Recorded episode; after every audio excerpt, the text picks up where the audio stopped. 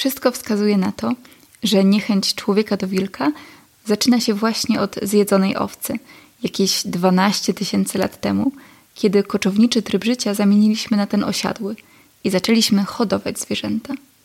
Od tego momentu wypowiedzieliśmy drapieżnikom wojnę, do której one, zdaje się, nigdy nie przystąpiły. Cześć, tu Joanna Pachałko i witam się z Wami cytatem z książki Instynkt o wilkach w polskich lasach autorstwa Anny Maziuk, która jest gościnią 35. odcinka podcastu Babka Natura. Rozmawiałyśmy właśnie o wilkach, o ich skomplikowanej historii i relacji z ludźmi, o tym, czego tak naprawdę boimy się myśląc o wilkach i jak kultura i pewne mity ukształtowały nasze myślenie na wiele lat.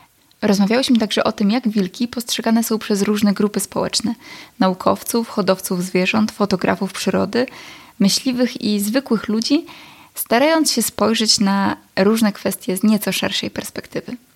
Zapraszam.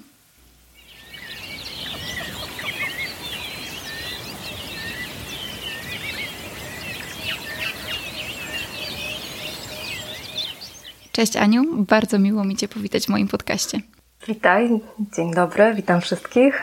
Kiedy myślę sobie o historii wilków w Polsce, to na myśl przychodzą mi takie trzy daty. 1956 rok, kiedy wilki zostały, zaczęły być tępione w Polsce. Właściwie cały gatunek był eksterminowany. Wilki były uznawane za szkodniki. E, można było na nie polować, można było zabijać je poprzez trucizny. Kolejnym rokiem, o którym myślę, jest rok 1975, kiedy wilki dalej były zwierzęciem łownym i można było na nie polować, ale już nie podkładać trucizn, więc był to jakiś krok do przodu. I ostatni rok, czyli 1998, kiedy wilki zostały uznane za zwierzę podlegające ochronie. I myślę sobie, że od 1998 roku minęły już właściwie 24 lata. I wydawałoby się, że to jest sporo, ale kiedy się zastanawiam nad tym, jak my jako społeczeństwo też myślimy cały czas o wilkach, mam takie poczucie, że to wcale nie jest tak dużo. I chciałabym Ciebie właśnie zapytać o Twoją perspektywę. Jak Ty uważasz, czy my jako społeczeństwo już przywykliśmy do tego, że wilk jest zwierzęciem chronionym i że należy mu się ta ochrona? Czy my cały czas mamy w myślach ten obraz wilka, który należy tępić, e, którego należy unikać i za wszelką cenę się go pozbywać? Wiesz co, ochrona, a w zasadzie inaczej, zmiany społeczne faktycznie zadziewają się na przestrzeni wielu, wielu lat zwykle. I to nie jest tak, że, że po dwóch, trzech już, już wszyscy jesteśmy gotowi na to, żeby przyjąć coś, co do niedawna było abstrakcyjne i nieznane nam zupełnie. To fakt. Ale tak naprawdę już wtedy, w 1998 roku, kiedy wprowadzono e, ochronę, pełną ochronę gatunkową mm, wilka, w zasadzie nie wtedy, tylko od początku lat 90. w Polsce były prowadzone bardzo intensywne i bardzo dobre kampanie społeczne, które miały ludzi z wilkami oswoić, sprawić, żeby, żeby oni trochę lepiej je zrozumieli, trochę lepiej zaczęli o nich myśleć. To między innymi Pracownia na Rzecz Wszystkich Istot takie kampanie prowadziła.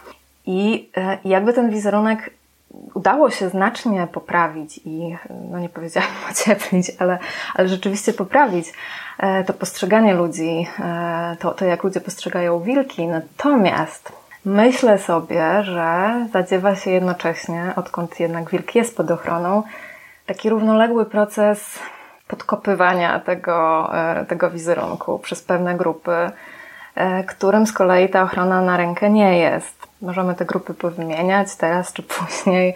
E, natomiast no, są to osoby, którym z różnych względów e, nie pasuje to, że one na przykład do wilków nie mogą strzelać, albo że to wilki e, zjadają zwierzęta kopytne w lesie, zamiast prawda, te, te osoby mogłyby te zwierzęta najpierw zabijać, potem zjadać w większych liczbach niż, niż to jest obecnie, kiedy wilków jest w lasach faktycznie coraz więcej. I to jest coś takiego bardzo dużego i trudnego, mm, z czym się dzisiaj mierzymy. Tych głosów jest bardzo dużo, one są, powiedziałabym, że to, to jest taka grupa, która ma dostęp do różnych mediów, e, do środków finansowych, żeby to, co myśli, jakoś tak nagłaśniać. No i, i to jest problem. Mm, więc, więc to jest taka, taka złożona kwestia. Nie sądzę, że wynikająca tylko z tego, że myśmy się nie zdążyli mm, przyzwyczaić do, tego, do tej ochrony. I w sumie jest jeszcze jedna taka rzecz, że w sumie my mamy wilków tak na tyle dużo, że, że to zauważamy w lasach dopiero od może 10 lat, a w zasadzie ostatnie kilka lat e, to jest sytuacja, że wilki są w niemal wszystkich lasach w całej Polsce. E, I to jest coś nowego. I z tym się rzeczywiście dopiero musimy oswoić, bo, no bo, bo one dopiero dzięki tej ochronie mogły migrować i migrowały faktycznie do tych różnych części Polski, także poza Polskę i wróciły tam, gdzie ich nie było czasem i 200 lat. Także tam dla ludzi to, to jest rzeczywiście nowa sytuacja, więc tu nie mówimy nawet o 24 latach, bo, bo ludzie o tym nie myśleli. No, gdzieś tam były jakieś wilki, nikt w ogóle nie wiedział, że one są pod ochroną. Teraz, kiedy na przykład wilk zjada jakiegoś pieska w, we wsi pod lasem, ludzie się orientują, aha, są wilki, one są pod ochroną, czyli my nic z tym nie możemy zrobić. I tu się zaczyna e, problem z rozumieniem tych wszystkich mechanizmów. Mówiłaś, że może porozmawiamy o tym później, ale chyba już teraz Cię o to zapytam. Czy ta grupa to są myśliwi? To znaczy to się sprowadza głównie do myśliwych, czy jest jeszcze jakaś inna grupa, której zależy na tym, żeby wilki były źle postrzegane? Wiesz co, ja zawsze troszkę się boję generalizacji takiej stuprocentowej, że cała grupa, wszyscy myśliwi y, są przeciwni wilków i działają na rzecz przywrócenia strzału. Na pewno tak nie jest. Ale faktycznie z moich doświadczeń i rozmów y, z osobami z grupy, o jakiej mówisz, czyli myśliwych, wynika, że większość z nich e, no, życzyłaby sobie, żeby jakaś forma odstrzału była możliwa ponownie. Mm, nie wszyscy marzą o tym, żeby, żeby przywrócić takie polowania, jak to miało miejsce w latach 50., 60., czy nawet tych 70., o których wspominałaś, mm, czyli no, po prostu masakra wilcza, która do, doprowadziła albo w zasadzie masakra ludzka, która doprowadziła do praktycznie do ekstens wybicia tego gatunku nawet u nas. Zostało nam pięćdziesiąt kilka osobników w całym kraju w, w, tym czasie. W każdym razie nie cała setka, bo, bo, bo to jest z całą pewnością stwierdzone. Także tak, to jest niewątpliwie ta grupa, a druga grupa, jeszcze o której myślę, mm, która ma z wilkami trudność, to hodowcy. Ewentualnie osoby, właśnie, które mieszkają blisko lasu i mają jakieś inne zwierzęta towarzyszące, jak, takie jak psy zwykle. No i dotąd nie musiały się, tak jak mówiłam, nie musiały się martwić, że ten piesek biega sobie luzem po lesie, e, puszczony prawda, sam, bez, bez smyczy i, i, i, tak dalej, a teraz no nie jest, teraz jest to jakby sytuacja zagrażająca dla pieska, no bo on może nie wrócić. E, tylko nie powiedziałabym z kolei, że to są grupy, które robią bardzo wiele w takim kierunku, żeby przywrócić odstrzał wilków. One raczej też nie, nie mają takiego słyszalnego głosu, jak ta grupa myśliwych w, du w dużej mierze zamożnych ludzi. Kiedy czytałam Twoją książkę Instynkt, to bardzo podobało mi się to, że Ty dałaś głos tym ludziom i dałaś głos tym wszystkim osobom, które um, czasami są przemilczane albo właśnie ich wypowiedzi aż tak się nie przebijają i pokazałaś tą różnorodność doświadczeń i różnorodność perspektyw. I bardzo to mi otworzyło oczy na to, jak mocno to jest złożona kwestia. Chciałabym do niej wrócić za chwilę, dlatego że wydaje mi się, że rozmawianie o tym, komu wilki przeszkadzają, y, musi być poprzedzone tym, żebyśmy sobie ustaliły, jakie w ogóle są wilki. Y, ponieważ ja cały czas mam poczucie, że my nie do końca znamy ten gatunek, że my opieramy się trochę na baśniach, na mitach związanych z wilkami, więc to, o co chciałabym Cię teraz zapytać, to jest to, jak wygląda archetyp wilka, taki zakodowany w naszej społecznej świadomości, podświadomości? Kiedy myślimy wilk, to co nam przychodzi do głowy jako społeczeństwu? Tak, chyba możemy powiedzieć o tej społecznej, e, świadom, zbiorowej świadomości, a nie nieświadomości, bo, e, bo myślę, że w nieświadomości, czyli tych w ogóle takich jeszcze głębiej sięgających e, przekonaniach e, nas wszystkich, przekazywanych gdzieś na poziomie komórkowym być może, to wilk jest e, jakoś utożsamiony z czymś bardzo dzikim, nieokiełznanym i może ciemnym. jak ten ciemny las, że gdzieś to się wiąże. Mm, ale czy, czy, czy tam jest właśnie w tej naszej zbiorowej nieświadomości, czy on jest postrzegany źle? Nie wiem, wiesz, to jest takie pytanie do nas wszystkich.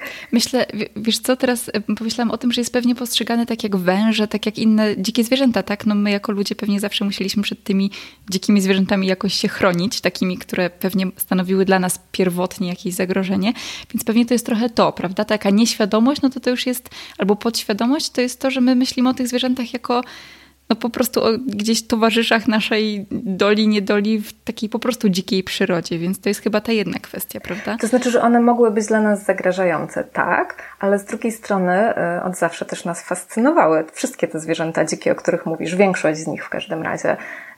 I właśnie w wielu kulturach, e, wróć, w kilku nielicznych kulturach e, wilki są postrzegane jako e, takie zwierzęta mocy, które, które ludzi właśnie inspirowały i ludzie chcieli przejmować ich, ich moce, ich, ich taką szczególną mądrość i siłę.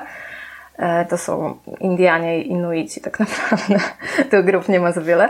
E, natomiast e, wracając jeszcze do tego, jak jest z, tą, z, taką, z takim naszym postrzeganiem społecznym wilków, to rzeczywiście my się ich chyba po prostu boimy, bo nie rozumiemy, nie znamy, bo rzeczywiście są to zwierzęta, mm, po pierwsze drapieżniki, czyli tak jak powiedziałaś, takie zwierzęta, które kiedyś dawniej nam mm, mogły zagrażać, a na pewno zagrażały naszym zwierzętom gospodarskim, y, które kiedyś też stanowiły o tym, czy w ogóle będziemy mieli co zjeść i czy nasze rodziny będą miały co jeść. Więc y, to była taka trochę walka o byt i, i w tym sensie na pewno y, mamy to zapisane, że, że to jest jakiś, jakiś rodzaj rywalizacji, że to jest konkurent. I chyba jeszcze jak sobie myślę, co my tutaj mamy zapisane, no to, to, to, to na jakimś takim poziomie dość pierwotnym. Ale zobacz, że ciekawe jest też to, że mogły nam zagrażać te tysiące lat temu, w momencie, kiedy zaczęły konkurować, powiedzmy, z nami o te zwierzęta hodowlane. Natomiast my na takiej, z takiej zwykłej perspektywy mamy też przekazy po prostu kulturowe, prawda? Bajka o czerwonym kapturku jest chyba pierwszą, która się zawsze nasuwa, kiedy myślimy o wilkach, że my możemy żyć w dużym mieście, możemy w ogóle nigdy nie zobaczyć wilka dzikiego e, na żywo, ale słyszymy o tym, że wilk pożarł babcię i wilk zwodził czerwonego kapturka przez e, cały las. I to jest chyba też trochę smutne, że mimo, że w żaden sposób te zwierzęta nam teraz nie zagrażają, te przekazy, baśnie, bajki, jakieś zakodowane rzeczy, które mamy mm, od wielu lat, one po prostu cały czas istnieją, prawda? I cały czas są powtarzane. Mm, tak, no tutaj przychodzimy na ten poziom kultury, o którym mówisz, która, która jakoś tak wy, wyewoluowała, żeby nas trochę przestrzegać pewnie w tych dawnych czasach, szczególnie przed tym, co mogło być zagrażające. A swoją drogą niedawno czytałam, że archetypy są jakby przeciwstawieniem kultury. E, także to, to, to też ciekawe, że w rzeczywistości mogły być czymś zupełnie odwrotnym. Ale tak, wiele z tych e, opowieści, bajek, te, tego jak wilki były przedstawiane w malarstwie. E, no, my mamy, prawda, te słynne obrazy Chełmońskiego, Wieruszy Kowalskiego, Kosaka. I to są te groźne y, zwierzęta napadające, napadające na konie, na powozy i tak dalej. Rzeczywiście jakoś, tak, jakoś takie przedstawiano, mm, miały siać grozę y, i jakoś tak ludzi przerażać. I tak jeszcze nie powiedziałyśmy y, przy, przy tych archetypach, że to trochę pewnie wiąże się z tym, że wilk w jakiś sposób, mam wrażenie, że nam przypomina o naszym cieniu.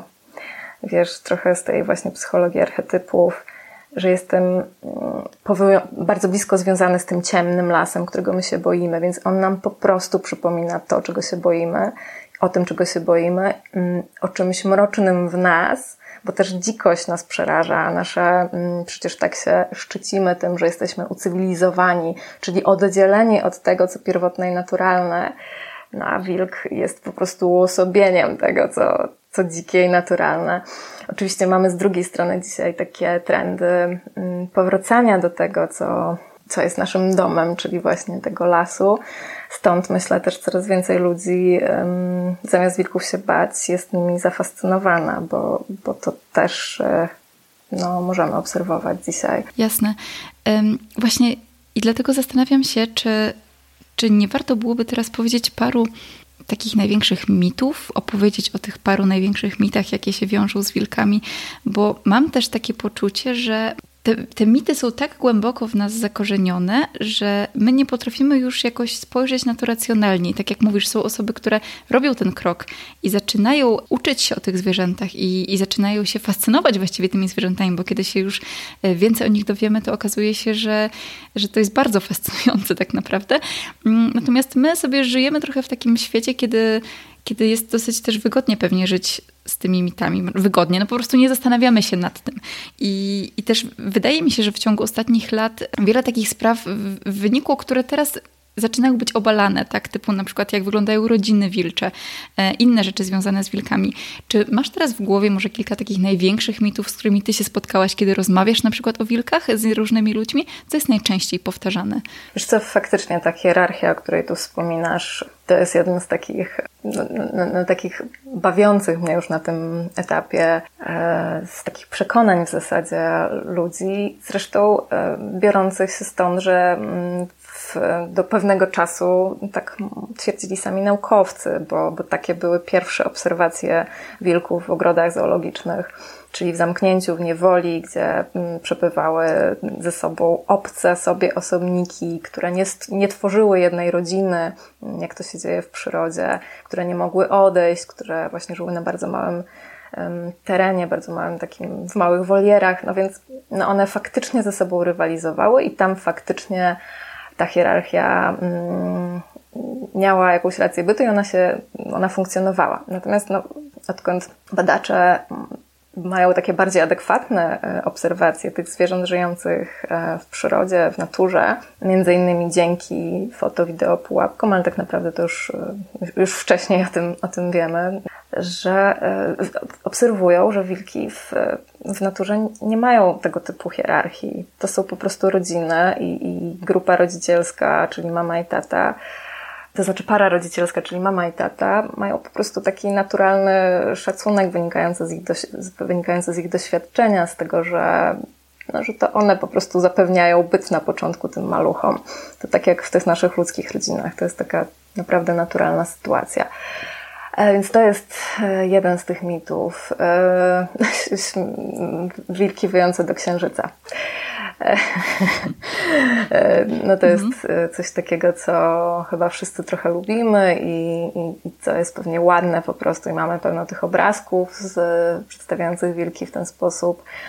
I to, że my faktycznie słyszymy, że zdarza nam się częściej słyszeć tym szczęśliwcom, którzy usłyszeli wilki, e, słyszeć je wtedy, kiedy jest pełnia, mm, bo to z tym się wiązało najczęściej, czy wiąże, Wynika z kolei z tego, że no, kiedy jest pełnia, jest w lesie jaśniej, e, więc wilki faktycznie korzystają z tego podczas polowania i no, jakby częściej mm, polują. No, kiedy polują, to się nawołują, albo kiedy im się coś udało polować, to wyją, żeby, żeby nie wiem, świętować, czy, czy właśnie zwołać pozostałych członków grupy rodzinnej.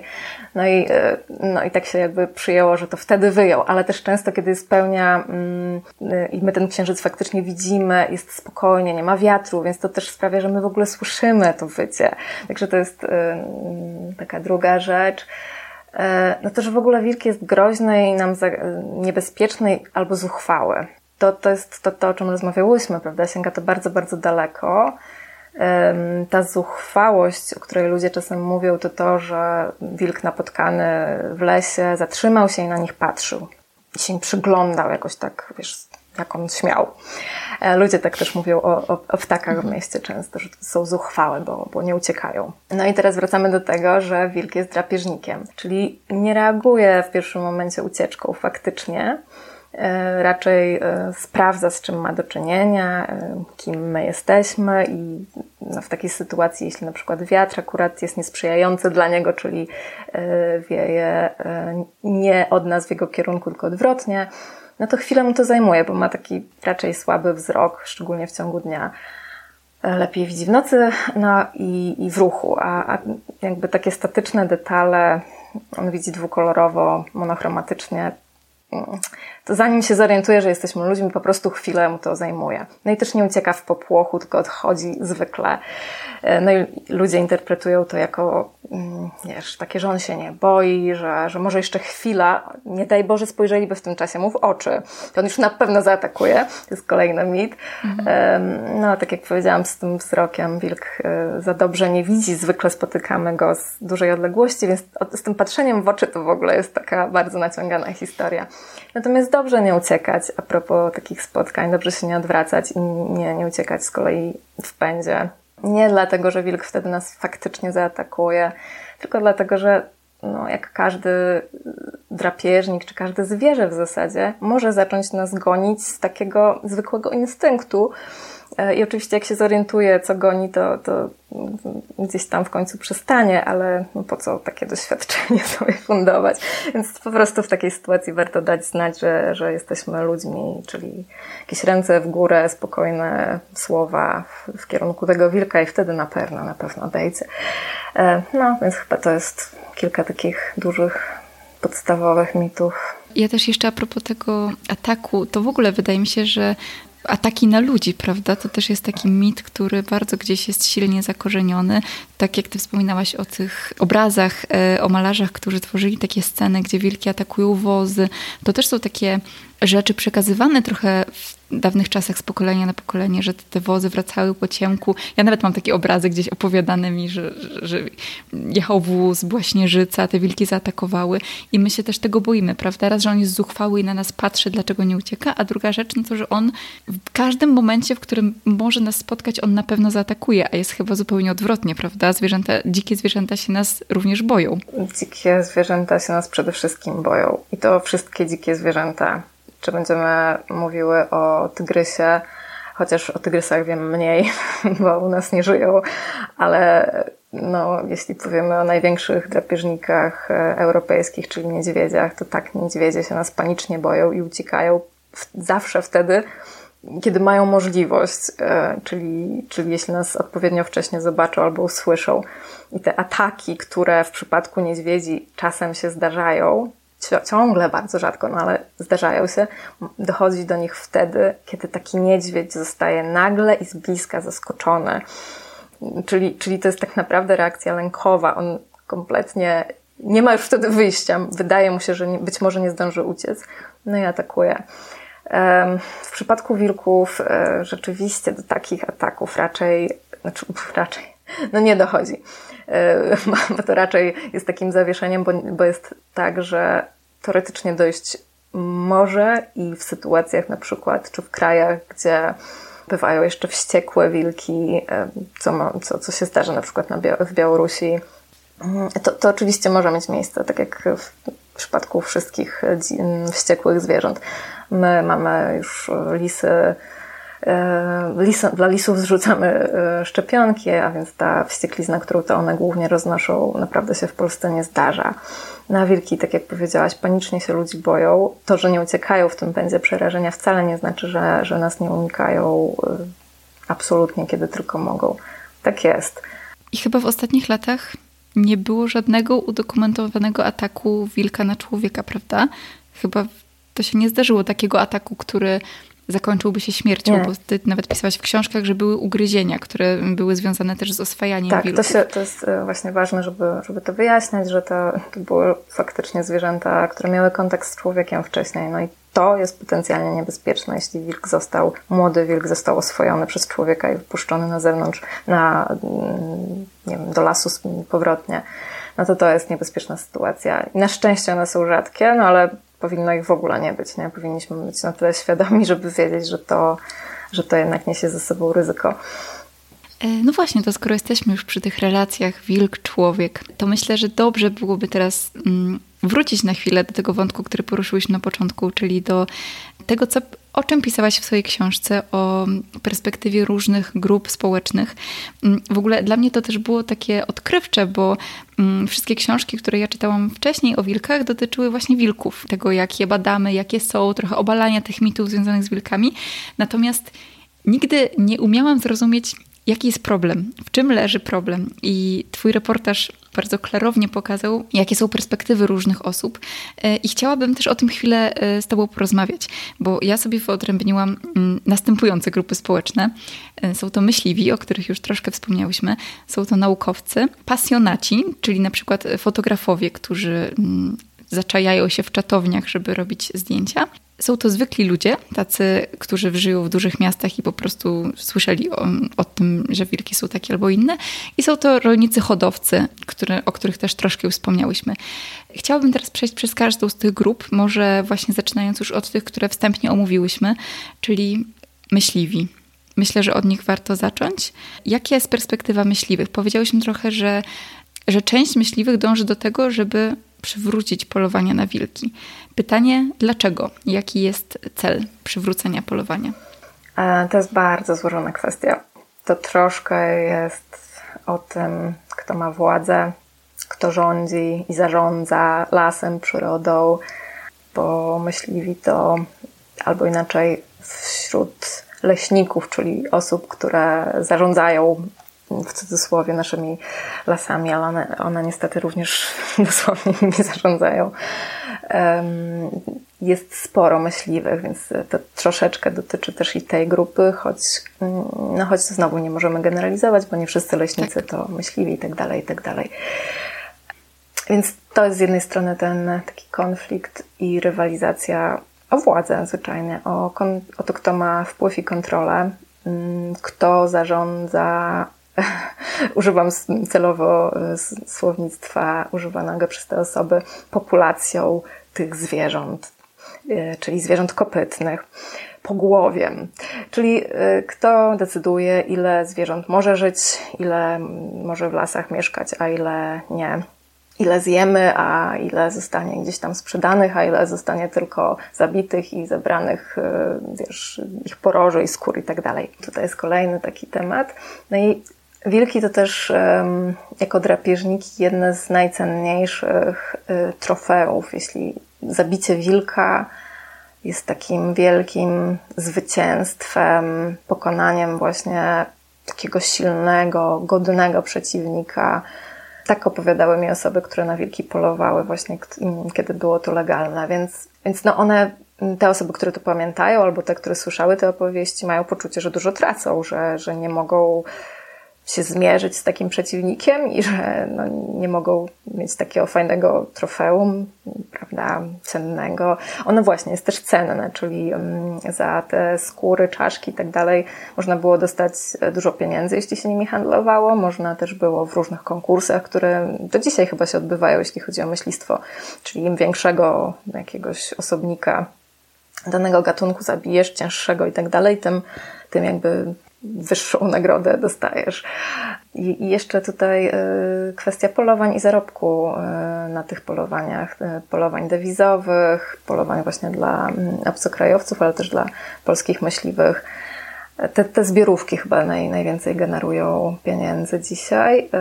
No a kiedyś też mm, te osoby takie szczególnie wysoko postawione, mm, no od nich można było dostać mnóstwo pieniędzy. Dzisiaj Dzisiaj podejrzewam, że dokładnie tak samo by to funkcjonowało. E, więc to jest też strata zarobku albo niemożność zarobienia tutaj na, na tych, tychże wilkach, a także na niektórych zwierzętach kopytnych, które wilki zjedzą. Czyli, że one zostały zjedzone przez dzikie, inne dzikie zwierzęta zamiast zabite i, i wiesz, nie ma, nie ma zysku właśnie z tego polowania na przykład wtedy.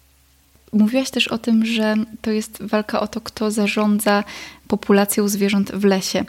I wydaje mi się, że tutaj warto też spojrzeć na perspektywę naukowców, bo te dwie perspektywy, one y, zupełnie inaczej podchodzą do kwestii tego, jak się reguluje populację.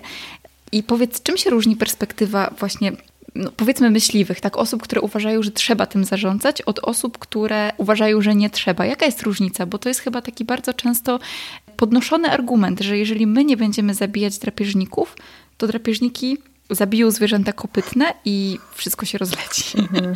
Więc pytanie, jak to wygląda z tych dwóch perspektyw? Mhm. Wiesz, no ja się trochę śmieję, bo, bo e, no po pierwsze, e, jeśli masz wiedzę taką, że e, wilków w Polsce jest plus minus dwa tysiące. Ostatnie dane z faktycznego liczenia e, wilków, też na podstawie badań genetycznych, ich odchodów i tak dalej, mówią o niespełna 1900 osobników. To jest 2019 rok. Więc ostatnie dane gusowskie, które podały 3,5 tysiąca osobników są bardzo, bardzo, bardzo przesadzone.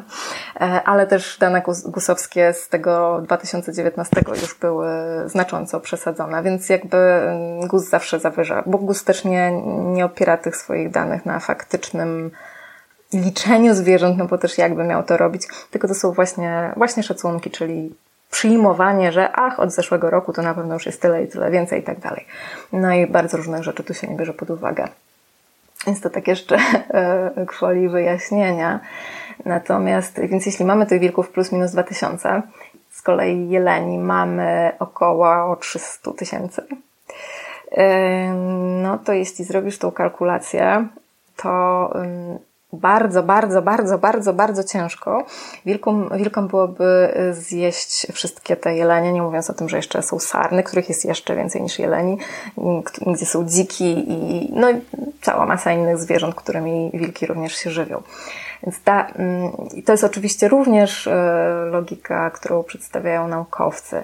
Nigdy nie jest tak, e, to są e, zasady jakby działają funkcjonowania biologii. Nigdy nie jest tak w przyrodzie, że drapieżników jest więcej niż zwierząt kopytnych. Nigdy, jeśli dochodzi do takiego mm, załamania się tej populacji zwierząt kopytnych, zawsze dochodzi w konsekwencji również do załamania się populacji e, drapieżników.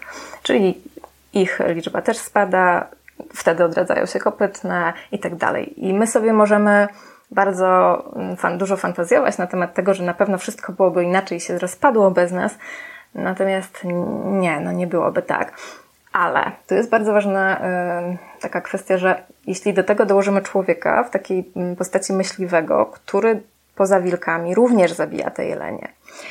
Teraz tak skupiamy się na jeleniach, bo one są najcenniejsze, być może i dla wilków, i dla, i dla myśliwych, bo y, dla jednych i dla drugich stanowią jakąś, no, w przypadku wilków są istotnym procentem ich diety, takim naj, największym w zasadzie, a myśliwi z kolei cenią y, jelenie jako trofea, to, no to rzeczywiście, jeśli myśliwi dużo polują na jelenie w jakimś miejscu, ograniczają ich populację i wtedy wilki mogą mieć trochę trudność z tym, żeby na nie polować. Jeśli dodatkowo ograniczona jest populacja dzików, co się działo w przypadku i dzieje nadal niestety w przypadku e, walki tak zwanej z ASF, i na przykład jest też dużo polowań na sarny i tych, tych ofiar naturalnych wilków jest dużo mniej niż by było, gdyby tak dużo się w tym lesie nie polowało no to może z kolei dojść do takiej sytuacji, że wilki zaczną szukać pożywienia gdzieś poza lasem, czyli zaczną szukać e, zwierząt gospodarskich, na które mogą prosto zapolować, czy w jakiejś ostateczności właśnie tychże psów, które no,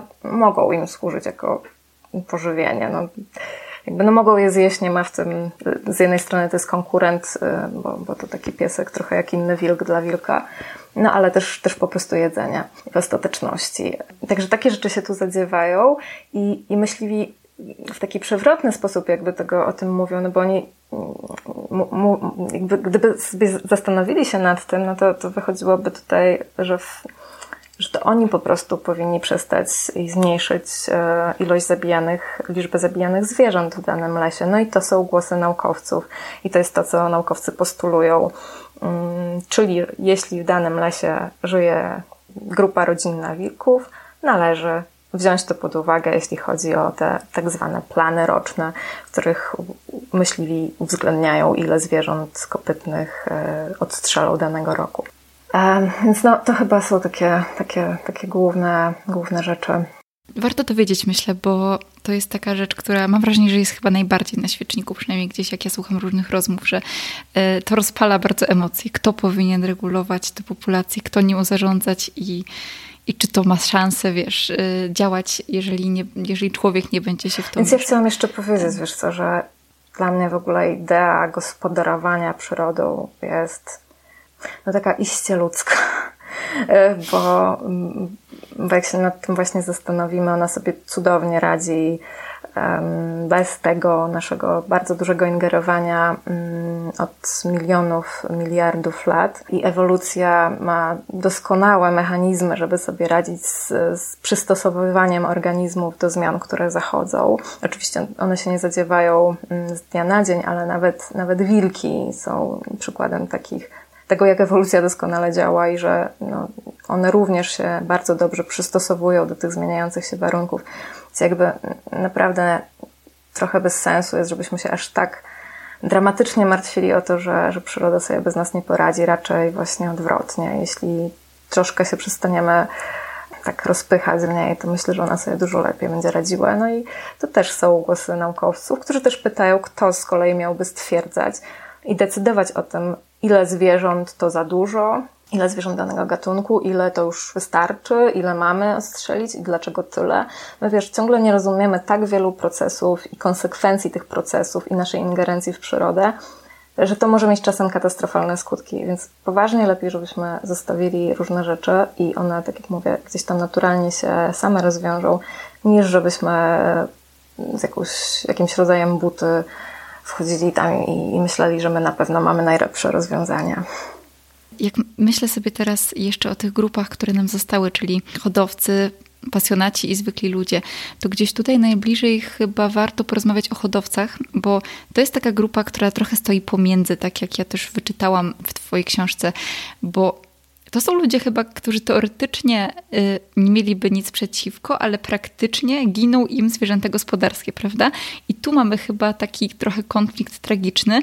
Czy jest w ogóle jakieś rozwiązanie na to, żeby te zwierzęta nie ginęły, czy, czy to już po prostu będzie się zdarzać, bo nie wiem, wilków jest coraz więcej?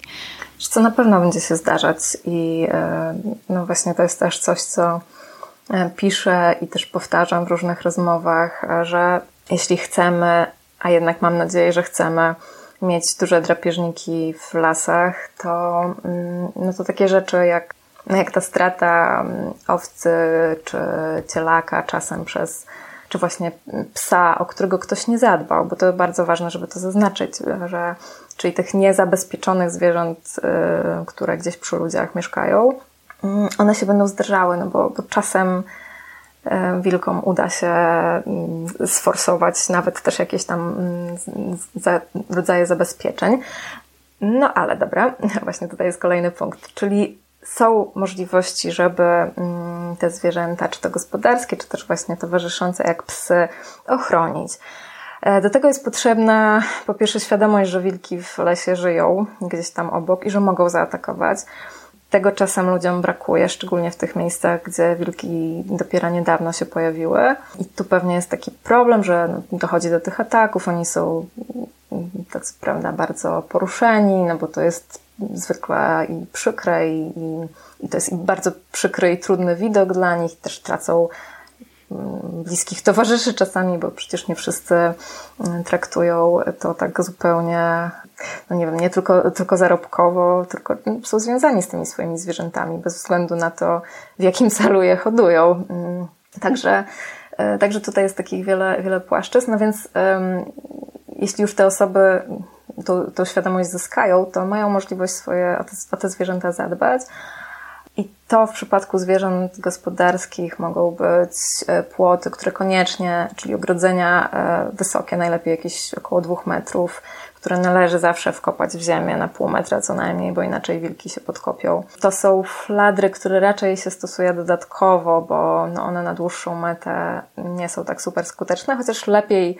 jako takie dodatkowe zabezpieczenie, albo lepiej mm, jako jakiekolwiek zabezpieczenie niż żadne fladry, to takie czerwone mm, kawałki materiału, które tam na równej wysokości co jakiś czas są y, rozwieszone wokół powiedzmy pastwiska i one rzeczywiście trochę y, mogą wilki odstraszać, no ale świetnie, gdyby hodowcy korzystali z e, psów pasterskich, żeby takich psów mieli więcej niż jednego idealnie, żeby one koniecznie mieszkały z tymi zwierzętami e, typu owce, a nie gdzieś tam pod domem, a owce sobie. Też mogą się ubiegać o odszkodowania, jeśli ta e, ochrona faktycznie z ich strony była zapewniona. Czyli jeśli, jeśli mieli te, czy to psy, czy płot, czy cokolwiek, to, y, to faktycznie mogą, y, jeśli chodzi o zwierzęta chronione mm, i szkody przez nie dokonane, dostać odszkodowanie. No dobrze, to w takim razie teraz e, pasjonaci, fotografowie, czatownie.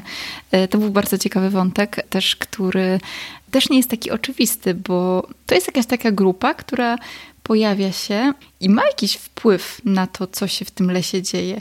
E, bo wyjaśnijmy tutaj, że czatownie to są te miejsca, w których na przykład fotografowie albo kamerzyści czatują, to znaczy jakby siedzą tam kilka godzin, czekając aż zwierzę podejdzie, będą mogli zrobić mu ładne zdjęcie. I rozumiem, że problem pojawia się wtedy, kiedy oni te zwierzęta nęcą. Bo w momencie, kiedy ich nie nęcą, to raczej nie stwarzają dużego zagrożenia. Czy ja to dobrze rozumiem? To znaczy, wiesz, no powiedzmy sobie, że jak jakaś, teraz tak sobie próbuję wyobrazić, jakaś grupa fotografów siaduje regularnie w jakimś bardzo dzikim miejscu, dzień w dzień, przez bardzo długi czas, nie nęcąc, nie wiem, wiesz, tak sobie teraz myślę, czy to miałoby znaczenie, no gdyby oni naprawdę dzień w dzień przez bardzo, bardzo długi czas, e, wiedząc, że na przykład wilki w danym miejscu mają miejsce właśnie rozrodu, czyli że tam przychodzi samica z młodymi, to może to nie jest jakaś najlepszy pomysł, żeby w takim miejscu się regularnie pojawiać. E, co innego, jeśli to są jakieś pojedyncze spotkania, czy pojedyncze obserwacje i ten fotograf tam sobie wrócił raz, jeden człowiek i, i później jeszcze kiedyś tam przechodził i też, też zrobił jakieś zdjęcie, ale to są jakieś takie sporadyczne i raczej przypadkowe mm, sytuacje, albo że właśnie no, udało mi się to zdjęcie zrobić, no ale potem już się z tego miejsca zabiera ale, ale faktycznie to, o czym ja piszę, to zwykle są czatownie mm, komercyjne, czyli takie, gdzie ludzie mm, płacą za to, żeby te zdjęcia zrobić, czyli e, oczekują też, że te zwierzęta się tam pojawią.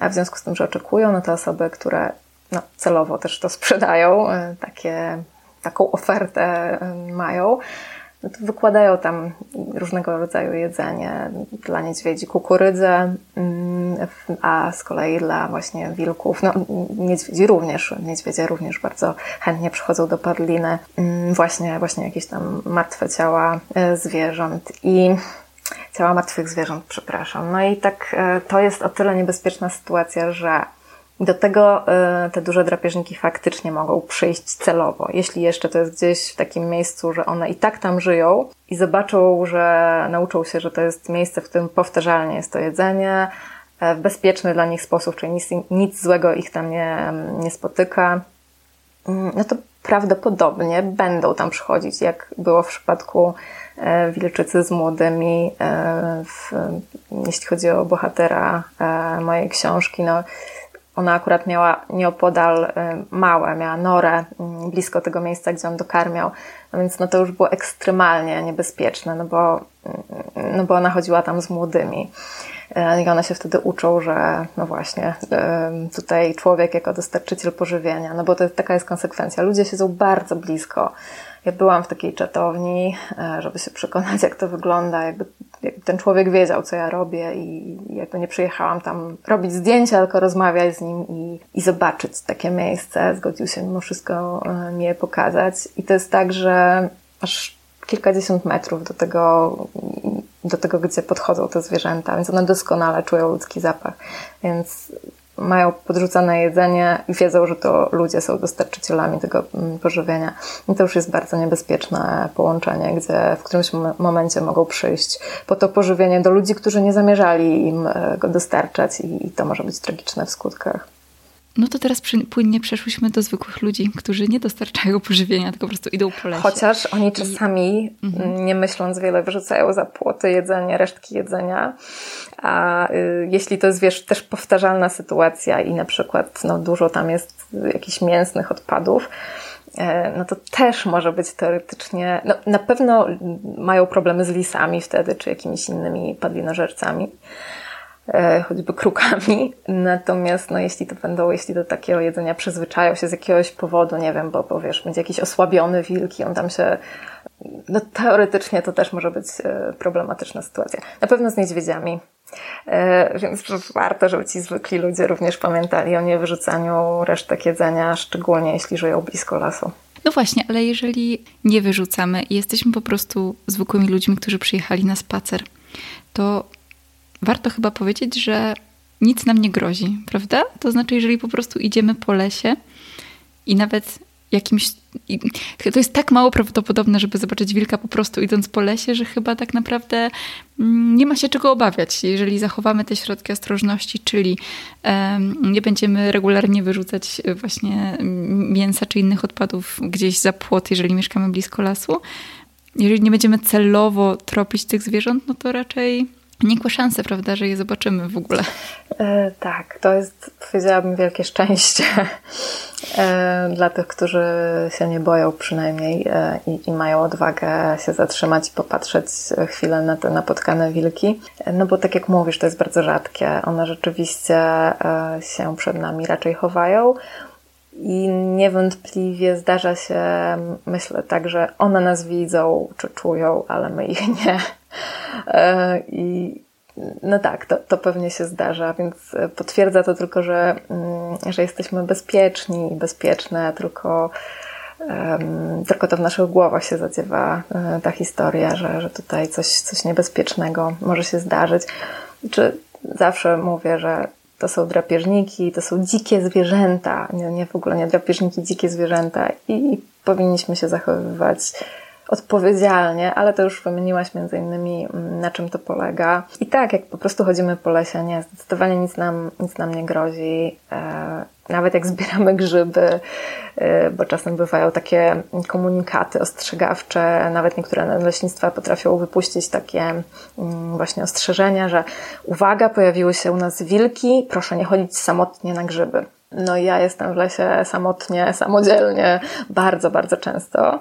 Czasami w miejscach, y, no, gdzieś tam poza ścieżkami i, i, i jednak jestem na tyle, nawet jeśli próbuję być cicho, to dla wilka ja jestem bardzo, bardzo głośna. Ja też y, stosunkowo, no pewnie mocno dla niego pachnę, ostrzegawczo. I, i to jest zwierzę doskonałych y, właśnie zmysłach węchu i słuchu, więc ono naprawdę mnie z ogromnym prawdopodobieństwem usłyszę, czy, czy wyczuję z daleka w takiej sytuacji właśnie nawet tego, że idę gdzieś tam przez las. A jeśli już mi się zdarzy najść na akurat wilka gdzieś stosunkowo blisko, to on po prostu w tym momencie myślę, że ucieknie w przerażeniu, jeśli udało mi się blisko podejść do wilka. Także e, tak, możemy być spokojni, bym powiedziała. Jasne.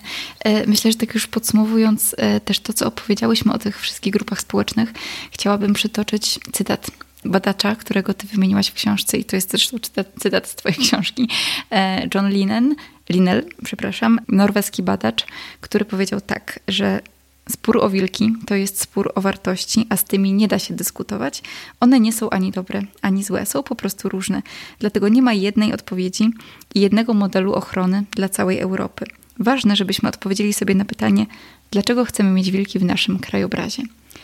Myślę, że to jest ważne pytanie. Dlaczego w ogóle chcemy te wilki? Bo przecież może łatwiej byłoby po prostu ich nie mieć, moglibyśmy zostać w roku 56 i wszystko byłoby dobrze. Ale dlaczego? Dlaczego warto mieć wilki w naszym krajobrazie? No wiesz, do tych bardziej wrażliwych to myślę, że w ogóle pytanie e, z taką oczywistą odpowiedzią, czyli po prostu, bo wszystko w przyrodzie ma swoje miejsce i, i tak jest dobrze. Natomiast e, rzeczywiście wszystko ma swoje miejsce i jakiś tam sens w przyrodzie i jeśli wilków w niej brakuje, mm, no to choćby te mm, to, jak te populacje się kształtują, jest zaburzone, czyli że faktycznie tych populacji e, zwierząt kopytnych może być, mm, ich jakby liczby mogą być większe niż kiedy, e, jeśli drapieżników nie ma, niż kiedy są. No ale też one będą prawdopodobnie w trochę gorszej kondycji, słabsze, no bo nawet najbardziej doświadczony myśliwy nie potrafi zrobić tak doskonałej, tak zwanej selekcji, mm, jakiej w naturalny sposób dokonuje wilk, czyli też właśnie mm, poprzez swoje doskonałe zmysły, które, którymi wyczuwa też jakieś tam osłabienie zwierzęta, zwierzęcia, czasem choroby, ale też to przeganianie, które wilki stosują, zanim, zanim faktycznie e, będą atakowały i goniły w celu zabicia e, zwierzęcia. No więc sprawdzają, jeśli to jest jakieś tam osłabione, kulejące zwierzę, no to to będą goniły. Czyli jakby pozostawiają w lesie te najsilniejsze, najzdrowsze. I to nie jest bano. Oczywiście to mm, polują też na te czasem bardzo, bardzo silne i zdrowe, e, ale to zwykle są jakieś takie mm, fartowne sytuacje, że gdzieś tam im się udało mm, nie wiem, no, zapędzić takie zwierzę w jar i, i też jakimś cudem e, stworzyć dobrą zasadzkę, ale to jest bardzo, bardzo, bardzo dla nich ryzykowne. Dzięki temu inne, mnóstwo, mnóstwo zwierząt, e, tych właśnie padlinożerców, o których wspominałam, lisów, niedźwiedzi, mm, niedźwiedzie są wszystkożerne, ale, ale no bardzo korzystają na towarzystwie, e, na tym, że wilki gdzieś tam obok żyją, różnych właśnie ptaków drapieżnych, kruków, te wszystkie zwierzęta żywią się na tym, co wilki upolują i pozostawią. Także tych zależności jest mnóstwo i one też wiążą się z tym, czy las rośnie dobrze, czy nie, bo, bo na przykład wilki wpływają właśnie na te zachowania jeleni, które są bardziej um, ostrożne i w tych miejscach, gdzie wilki żyją. Szczególnie w głębi lasu, bo, bo ty, właśnie im mniej człowiek ingeruje, tym lepiej te zależności działają. To, to też prawda. Także no, powodów, dlaczego dobrze jest, jeśli mamy wilki w krajobrazie, jest po prostu mnóstwo. To prawda, ale chyba najbardziej podoba mi się ten powód, który powiedziałaś jako pierwszy, że wrażliwe osoby wiedzą to po prostu, że tak powinno być. To znaczy, to jest takie. Piszesz też o tym dalej w książce, że dlaczego my o tym mamy decydować, prawda? I dlatego chciałabym Ciebie zapytać o to, e, dlaczego Ty w ogóle napisałaś tę książkę o wilkach, co Ciebie do tych wilków zbliżyło i jaka była Twoja droga do tego, żeby te wilki poznać lepiej? Co, no, ja jestem jedną z tych wrażliwych osób, więc, e, mhm.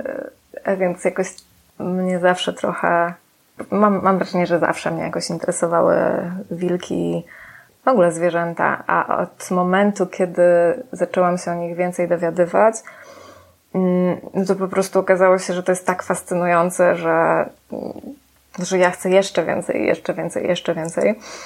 Mm, no i tak się złożyło, że, że, że podążyłam kiedyś za wilkami w 2014 roku zimą i po raz pierwszy e, właśnie z, z badaczką Sabiną Pierużek-Nowak i i Robertem Mysłajkiem, i e, Michałem Figurą, i, i, i, grupą brytyjskich studentów. No i po prostu to było tak cudowne dowiedzieć się, wiesz, dużo więcej na temat samych wilków, ale właśnie mm, to też był moment, kiedy się skonfrontowałam z tym, że to są zwierzęta, których my naprawdę nie rozumiemy których nie znamy. Właśnie dowiedziałam się, ile ich jest nielegalnie zabijanych, bo to jest potężny temat, że my mamy mm, najnowsze badania mówią około 150-140 wilków rocznie ginie z rąk, z rąk półsowników. W zasadzie no, trzeba tu mówić, mówić o osobach, które używają broni palnej, bo większość z nich ginie z broni palnej, wcale nie we wnykach. No, także to mnie bardzo uderzyło i, i, i postanowiłam, że chcę opowiedzieć jakoś o tym, dlaczego to wszystko się zadziewa. I to była długa, długa droga, ale, ale tak, to, to jest o tym, czyli że już próbowałam mm, dać głos y, zwierzętom albo opowiedzieć y, o tym, co być może mm, no nie jest w taki prosty sposób dla nas zrozumiałe, no bo właśnie te zwierzęta nie, mówią, nie mówią naszym językiem. Ale siłą rzeczy jako człowiek nie mogłam też powiedzieć y, za dużo o samych wilkach. E, czasem właśnie słyszę takie głosy, że moja książka jest bardziej o ludziach niż o wilkach. Mhm. I ja tak sobie myślę, wiesz, no jako człowiek, ja, ja siłą rzeczy jestem ograniczona moją ludzką percepcją i mogłam opowiedzieć tylko e, o naszym postrzeganiu wilka i próbować wejść e, w wilczą skórę i sobie wyobrazić, co to znaczy być wilkiem. Mm, ale to zawsze będzie jakoś ułomne. No dlatego książka jest taką, a nie inną opowieścią. No dla mnie to było super, że to było właśnie troszkę z takiej naszej ludzkiej perspektywy, bo też pozwoliło mi wyjaśnić wiele zjawisk, których nie rozumiałam, bo ja czytając książki o naturze z perspektywy na przykład wilczej albo mm, próbujące te perspektywy pokazać, dla mnie to było takie zawsze oczywiste. No, no, no tak, wilki tworzą rodziny, wilki migrują, przemierzają te kilometry, i potem nie mogłam połączyć tego z tym, dlaczego e, jest z nimi taki problem. I Twoja książka mi to też w jakiś sposób wyjaśniła, za co bardzo dziękuję. Bardzo Ci gratuluję e, i dziękuję za naszą rozmowę. Jeszcze powiedz, Aniu, czy gdzieś osoby, które mm, na przykład przeczytają książkę albo wysłuchają podcastu, chciałyby na przykład śledzić, co robisz, e, czy masz takie miejsce, w którym mogą Cię śledzić albo mogą czytać Twoje teksty? Jak to wygląda? Ojej, Ja jestem strasznie słaba w tej promocji e, siebie, ale odkąd wydałam książkę, prowadzę profil na Instagram. Dobra, prowadzę to jest za dużo powiedziane, ale jest, istnieje profil Anna Maziuk na Instagramie i ja tam wrzucam jakieś takie szczególnie wilcze e, informacje, czasem o jakimś innym artykule, który opublikuję. I na razie niestety nic więcej nie mam. Um, może to się zmieni, a jeśli tak będzie, to pewnie na tym Instagramie dam znać, więc um, można próbować tam. Ja publikuję um, w różnych ogólnopolskich tytułach, więc, więc można się gdzieś tam za tym rozglądać. Współpracuję na stałe z Kosmosem dla dziewczynek, gdzie piszę dla dzieci o przyrodzie, więc tam też zapraszam. Dobra, super. Dziękuję Ci bardzo za rozmowę. Ja też Ci serdecznie dziękuję. Pozdrawiam wszystkich. Dziękuję Wam za wysłuchanie podcastu. Jeżeli chcecie podzielić się swoimi wrażeniami, piszcie do mnie na Instagramie albo na Facebooku. Wszędzie znajdziecie mnie jako Babka Natura. A jeżeli chcecie być na bieżąco z kolejnymi odcinkami, możecie zaobserwować podcast w Spotify albo zasubskrybować go w innej aplikacji. Możecie także ocenić podcast w iTunes w aplikacji podcasty albo na Spotify, bo od niedawna tam też jest już taka funkcja. Oceny i recenzje są doceniane przez algorytmy i pozwalają podcastowi docierać do szerszego grona odbiorców, więc jeżeli czujecie, że warto, będę bardzo wdzięczna. A ja już kończę i do usłyszenia w jakiś kolejny piątek.